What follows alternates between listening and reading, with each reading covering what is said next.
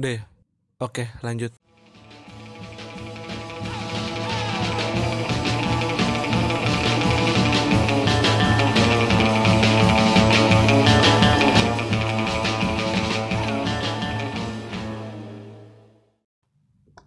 Halo, selamat datang di Sekotak Gen Z. so, hari ini uh, pertama kalinya gue ngetek jam 10 pagi, nggak sorry jam 11 sih. Udah siang nih. Nah, gue nggak mau basa-basi atau nggak mau disclaimer apa pun, gue pengen langsung ngebahas topik yang pengen gue bahas gitu. Karena ini terus-terusan ada di otak gue menggerogoti otak gue untuk dikeluarin gitu. Gue nggak tahu ini mau ngeluarinnya di mana gitu. Ya mungkin gue udah ngeluarin sama ngobrol sama temen beberapa temen gue gitu tentang masalah ini. Tapi kayaknya kurang cukup gue pengen obrolin ini di podcast. Biar nanti gue kalau lagi mungkin udah dewasa atau udah cukup mature mature buat uh, dunia ini terus gue ngeliat lagi masa lalu gue apa sih yang gue pernah omongin gitu. Dan ini maksudnya salah satunya gitu kayak uh, arsip-arsip gue di masa lalu itu seperti apa gitu. Karena gue nggak tahu ntar di masa depan gue akan menjadi orang yang berubah apa enggak gitu. Ngomong-ngomong soal dewasa gitu udah mungkin lo udah tahu dari judul gitu uh, ketakutan menjadi dewasa gitu. Dan uh, dari sebenarnya dari ini gue kepancing buat bikin podcast ini monolog podcast ini karena gue lagi dengerin lagunya di Adams yang timur kan yang pokoknya ada lirik awal lirik awal itu kayak masa depan kadang menakutkan gitu. Dan ternyata memang benar gitu ketika ini relate ke gue karena gue dari transisi dari remaja ke dewasa yang di mana itu uh, dari masa remaja itu yang masa main-main banget masa-masa yang ya pokoknya udah hidup just let it be gitu. Tiba-tiba kayak lu umur uh, dari belasan ke angka 20-an kayak merasa kayak banyak kekhawatiran-kekhawatiran baru yang nggak pernah lu duga sebelumnya yang nggak pernah diajarin sama mungkin orang tua lu mungkin kalau lu nggak deket sama orang tua ya kalau atau teman-teman lu nggak ngajarin tentang persiapan untuk menjadi dewasa itu seperti apa gitu kan. Dan ternyata ya gue mungkin belum terlalu siap buat menghadapi dewasa gitu. Uh, ternyata yang gue rasakan kayak ya gue belum terlalu bisa buat hidup mandiri gue belum terlalu bisa buat uh, menahan diri gue untuk sesuatu gitu. Gue masih terlalu gampangan atau gimana pun itu gitu. Dan dan gue menzoom out semua hal gitu kayak ih ternyata hidup tuh nggak semudah itu gitu.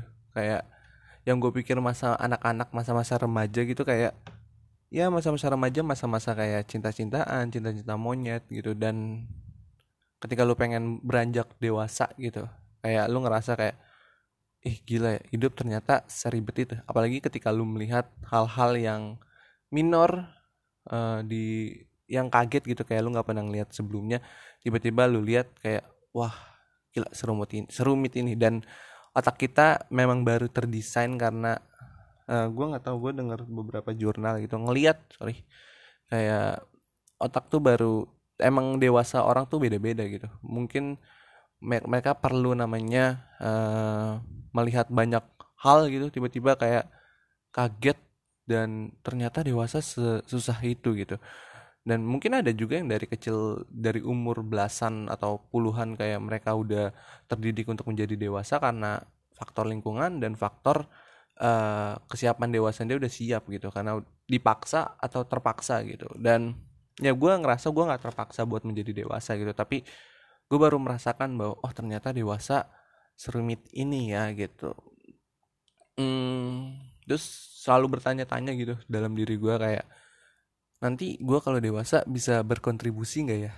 Either bukan kontribusi ke dunia tapi kontribusi buat keluarga lu atau kontribusi buat eh, hal-hal uh, yang sangat segmented buat lu gitu. Kayak misalnya lu suka uh, musik gitu kayak gue bisa nggak ya? Gue menjadi musisi terus uh, gue punya impact apa? Apa gue berguna di dunia industri ini gitu?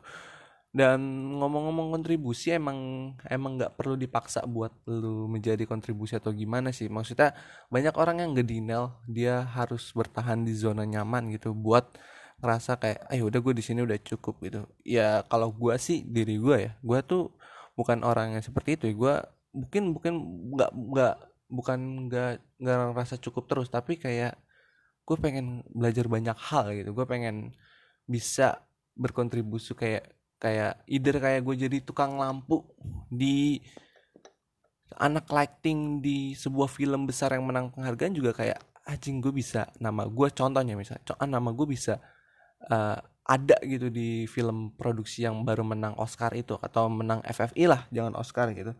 Either gue cuman uh, apa sih namanya cuman jadi tukang lighting gitu tapi itu menurut gue uh, sebuah kebanggaan lah gitu. Dan apalagi sekarang kan di dewasa ini atau zaman era-era Gen Z zaman milenial Gen Z itu udah lumayan aware banget terhadap kesehatan mental gitu yang nggak pernah diduga sama uh, sebelumnya gitu. Kayak mungkin uh, orang tua orang tua kita kita kita dulu belum terlalu apa ya belum terlalu aware banget terhadap kesehatan mental mental karena mungkin dulu tuh belum seluas itu gitu. Maks maksudnya kayak uh, ketika lu ada gangguan di dalam hati lu ya lu nggak perlu ke psikolog. Orang yang ke psikolog atau ke psikiater atau orang-orang yang butuh bantuan banget gitu. Padahal seharusnya ya ketika lu emang lagi depresi atau lagi uh, lagi butuh temen curhat ya lu bisa ngobrol ke psikolog. Nggak harus ke psikolog sebenarnya. Ke teman-teman deket lu gitu lu perlu banget curhat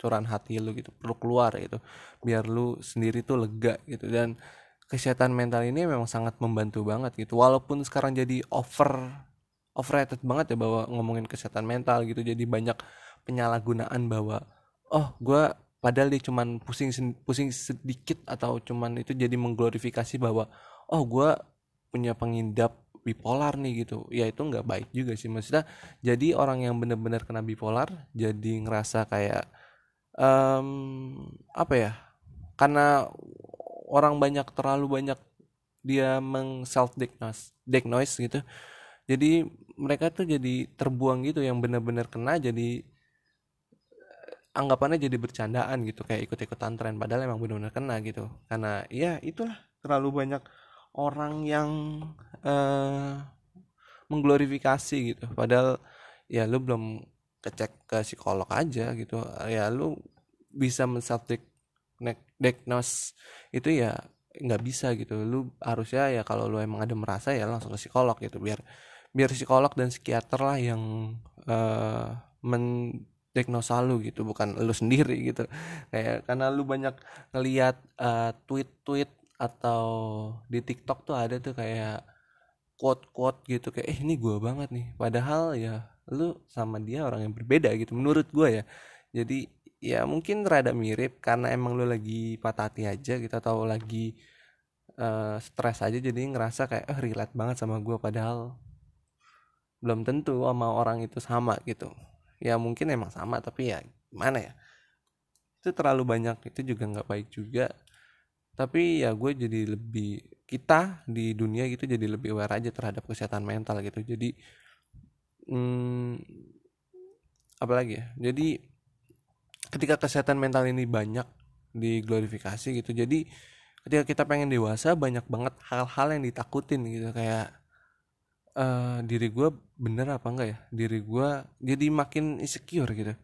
Jadi makin minderan jadi makin nggak pedean gitu bahwa glorifikasi itu tuh terlalu apa ya boleh glorifikasi. Tapi menurut gue ya menurut gue nih uh, lu perlu tahu konsep dari dasarnya dulu gitu. Nggak perlu lu kayak uh, apa ya gue ngomong apa sih? Maksudnya ketika lu banyak yang ditakutin ya sebenarnya itu wajar gitu semua manusia banyak ketakutan gitu.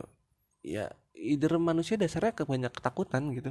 Karena dia nggak pernah ngeliat apa yang dia lihat sebelumnya karena dia nggak pernah tahu apa atau mengerti apa yang mereka lihat atau mengerti sebelumnya gitu. Jadi perlu namanya uh, apa sih kalau itu? Kalau itu namanya apa sih kalau perlu namanya jam terbang gitu. Jadi ya semua hal gitu lo menghadapi sesuatu ya pernah namanya terus-terusan berulang kali gitu ya gitu. Terus terus karena banyak ketakutan kayak eh gue tuh mantan atau jangan mantan deh gue tuh di masa lalu tuh kayak gini gini gini gini apa gue bisa berkontribusi atau gue bisa berguna ya? Atau gue bisa either kayak menyenangkan orang terdekat gue uh, di masa depan gitu. Uh, orang terlalu banyak memikirkan masa lalu dan selalu kepikiran tentang masa depan gitu. Tapi padahal hidup mereka tuh ya di masa sekarang live in the moment gitu kayak ya kalau gue sih ya gue juga sering banget ngeliat masa lalu dan gue kayak memikir memikirkan masa depan tuh gue kayak gimana atau apakah gue bisa gimana gimana gitu tapi untuk sekarang gue kayak ya udahlah lu jalanin waktu lu aja yang sekarang yang bener-bener sekarang. Kayak ada tagline-nya juga now or never gitu. Kayak itu bisa luas juga kayak ketika lo pengen ngelakuin sesuatu now ya udah sekarang aja gitu nggak usah besok atau entar-entaran gitu. Dan live in the moment ini kayak emang sangat berarti banget gitu. Karena ya masa lalu tuh buat pelajaran doang gitu. Semua orang pernah melakukan kesalahan semua orang pernah melakukan dosa atau apa pun itu. Makanya Tuhan menciptakan ada masa lalu ada masa depan gitu. Maksudnya manusia bisa sekeren itu gitu. Kayak lu punya uh, pelajaran nih di masa lalu kayak gini gini gini gini. Tapi lu hidupnya sekarang aja. Di masa depan ya itu urusan gua gitu. Masa urusan Tuhan gitu. Ya lu nggak bisa gimana gimana uh, ya udah lu cuman hidup ya sekarang aja udah gitu. Ntar urusan masa depan gua aja gitu. Dan sekarang banyak banget kayak atau gue masa depan pasti gini gini gini gini gitu ya belum tentu gitu. Itu kehendak Tuhan gitu. Dan ya kalau lu emang live in the moment gitu dan lu berpikiran lu takut akan masa depan ya menurut gue ya lu siapin diri aja gitu. Karena siapin diri lu kayak apakah dari sekarang gitu kayak gue bukan ke sana motivasi atau gimana gimana tapi ya siapin diri tuh either lu jadi terserah lu maksudnya lu bikin jadi director ya lu siapin lu dari sekarang gitu. Lu baca-baca buku tentang jurnal tentang film atau lu nyari referensi sering nonton film nonton film-film rekomend yang bagus lah ya. Maksudnya yang yang uh, rate-nya tuh 8 ke atas. Jadi biar uh, selera film lo dan lu ketika menjadi director lu punya selera yang bagus gitu. Uh, cari cari idola boleh karena itu jadi patokan lu buat ah gue misalnya pengen jadi kayak dia nih.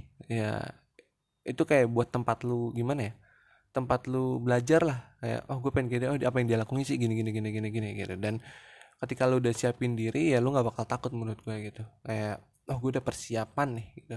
Apa pun kalau dipersiapin nggak bakal takut juga karena persaingan itu kayak udah apa ya udah sangat ngaco banget gitu. Satu dunia tuh udah bersaing gitu. Kalau di dunia uh, industri namanya kan disruptive innovation gitu di mana kayak pakem lama itu selalu tergantikan sama pakem baru gitu.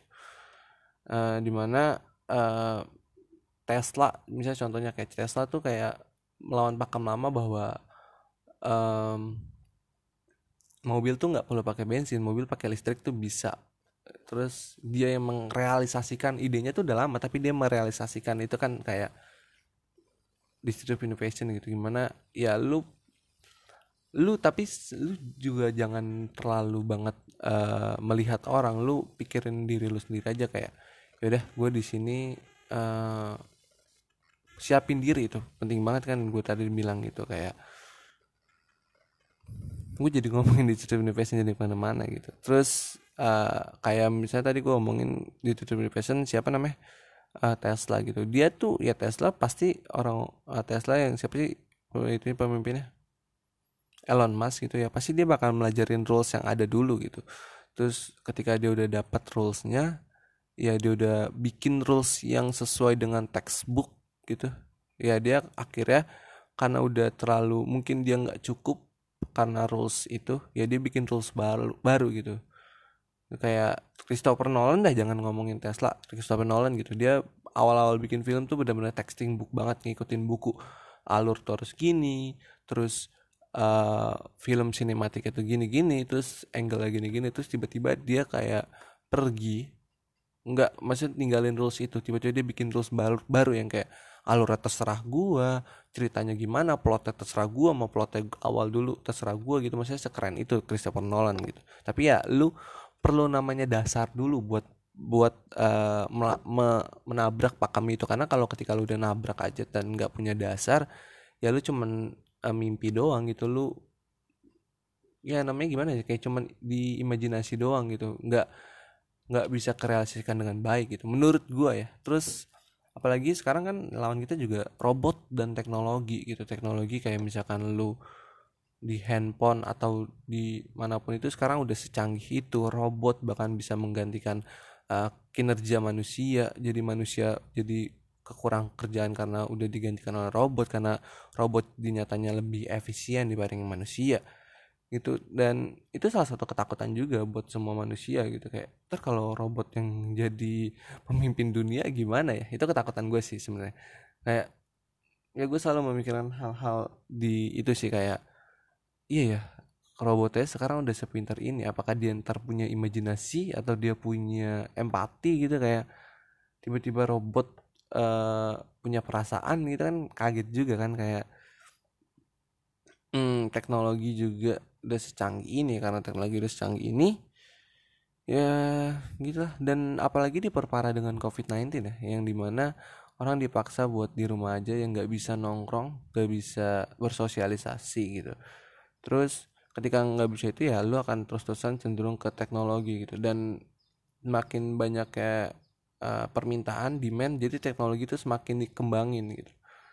Dulu tuh mana kepikiran orang sekolah pakai zoom gitu. Sekarang tuh zoom udah terlalu bervariasi banget gitu. Masa format kayak zoom tuh bervariasi gitu. Bahkan ada yang kayak dibikin sedemikian mungkin kayak di kelas gitu. Gue nggak tahu tuh lupa namanya ada di web gitu. Maksudnya jadi orang tuh jadi namanya apa ya ada problem dan dia menjadi problem solver dari problem itu gitu. Kayak karena ya mereka punya dasar mereka punya namanya ilmu gitu. Jadi kalau buat kalian yang masih bingung ya kalian ya persiapin gitu. Makanya susah banget lawan lawan orang-orang kayak gitu gitu. Ya kalau dibilang ambis ya mereka ambis banget gitu. Tapi ya kita jangan kalah gitu. Maksudnya gue ngomongin mereka tuh kayak orang-orang dari luar gitu. Maksudnya kalau di Indonesia tuh kayak gue ngerasa bahwa Indonesia tuh belum belum cukup aware lah. Maksudnya mayoritas belum cukup aware terhadap tren teknologi atau robot. Mereka cuma menjadi konsumsi nggak menjadi produksi gitu. Walaupun banyak juga sih tapi orang Indonesia banyak juga sih menjadi produksi. Tapi ya jadinya mereka mulu yang keluar gitu. Karena mereka punya ide bagus di Indonesia kayaknya kayak masih diragukan ya udah deh gue kerja di luar negeri aja gitu. Jadinya ya gue sebenarnya gue nggak terlalu nasionalis banget sih buat Indonesia yang harus menjadi uh, tombak utama teknologi itu enggak enggak. Di Indonesia gini aja udah. Terus apalagi sekarang kalau gue lihat gitu lu nongkrong dan temen-temen lu tuh main HP gitu kayak interaksi lu tuh harusnya di depan lu bukan di handphone lu cuman scrolling. Ya gue tahu ketika lu emang lagi nggak nyaman sama orang di depan lu lalu main HP gitu. Tapi kan maksud gue gimana ya coba aja gitu mencari chemistry atau keakrapan yang di depan lu gitu yang nongkrong sama lu gitu. Dan itu perlu banget gitu. Dan nongkrong itu emang sangat self healing ya ketika lu bisa ngobrol apa pun yang di otak lu dan keluar terus lu pulang dengan keadaan yang sangat uh, bahagia menurut gue ya kalau gitu. Tapi tergantung konteksnya gitu. Ketika lu nongkrong emang happy ya lu pasti bakal happy juga. Uh, dan akan yang parah aja di kecanduan jadi nongkrong mulu gitu. Jadi ntar bingung kalau nongkrong mulu. Bahasnya apaan ya? Terus ya sadar diri kita juga gitu bahwa kita nih siapa gitu. Kita nih apa gitu. Terus bukan merasa terus-terusan insecure bahwa ah oh, gue nggak bisa atau minder kayak ah paling dia nih yang jago gue mah kayak cuma ngikut-ngikut dong ya gue sering sih melakukan kayak gitu tapi di hati gue sih sebenarnya nggak kayak gitu kayak nggak perlu gue ceritain juga di sini kalau di hati gue gimana tapi ya gue cuman buat uh, eh, gue tuh nggak suka banget uh, menaikkan ekspektasi orang terhadap gue jadi gue terus-terusan menurunkan ekspektasi orang terhadap gue ya gue dengan cara itu. Tapi ya gue sadar diri gue gue seperti itu gitu. Dan itu baik apa enggak ya gue nggak tahu gitu um, iya gue kasih tahu bilang tadi gitu kayak semua hal tuh udah tergantikan. Kayak either lu tiba-tiba dulu ada pekerjaan-pekerjaan yang uh, yang yang konvensional tiba-tiba tergantikan semua sama digi digital gitu. Kayak lu nggak pernah nyangka kan? Bahkan kayak gue gue nggak pernah nyangka bahwa ada sebuah semua seseorang bisa mempromosikan produk orang dan dia dapat produknya dan dia dibayar gitu. Siapa yang kaget jadi selebgram? Siapa yang kaget jadi seleb tiktok gitu? Siapa yang kaget orang cuman bikin video ngasal terus dapat adsense dapat uang terus dapat brand ambassador? Siapa yang nyadar gitu? Dan ya mungkin ya orang tua kita selalu kayak ngasih tahu kayak ntar tuh depan tuh kerjaan gini gini gini. Ternyata pas kita sudah sampai sini kayak mah kerjaan yang kayak gini gini udah nggak ideal nih di dunia ini gitu udah mulai tergantikan ya emang semua tuh berubah cepet banget. Banyak banget yang takut akan perubahan. Makanya mungkin generasi-generasi tua tuh yang rada takut sih kayak kok dulu zaman gue nggak gini selalu menyalahkan keadaan gitu. Padahal itu juga nggak baik juga tuh. Terus ketika ya ya gue jadi motivasi segini gini. Ya udah maksudnya ya sadar diri kayak siapin diri lu untuk di masa depan. Apa pun lu mau pengen jadi apa gitu entah lu pengen entah lu cewek kayak gue cuman pengen jadi ibu rumah tangga aja. Ya lu siapin diri lu bahwa lu belajar dari internet banyak banget kayak ngurus anak gimana uh, membesarkan anak secara psikologi gimana biar anaknya uh, terus tuh itu mandiri atau punya pola berpikir yang uh, sangat kritis gitu gimana gitu ya ini lu cuma jadi ibu, rumah tangga ya lu siapin juga gitu. Uh, kayaknya itu aja. Gue gue bingung dari tadi gue ngomongin apa. Sorry banget. Karena gue kecepatan dan ini jam 11 siang cuy. Rada ngantuk juga sih habis uh, kelas. So kurang lebihnya mohon maaf gitu. Bila ada mungkin lo nggak sepakat dan setuju sama apa yang gue omongin tadi ya lo bisa DM gue atau ngomong langsung sama gue gitu. So itu aja menurut gue ketika lo takut menjadi masa depan ketika lo takut ya bukan menghindar tapi lo lawan gitu. Lo lawannya kalau lo nggak tahu cara ngelawannya gimana ya lo siapin diri lo asik. So itu aja. Terima kasih yang udah dengerin. See you next episode. Dah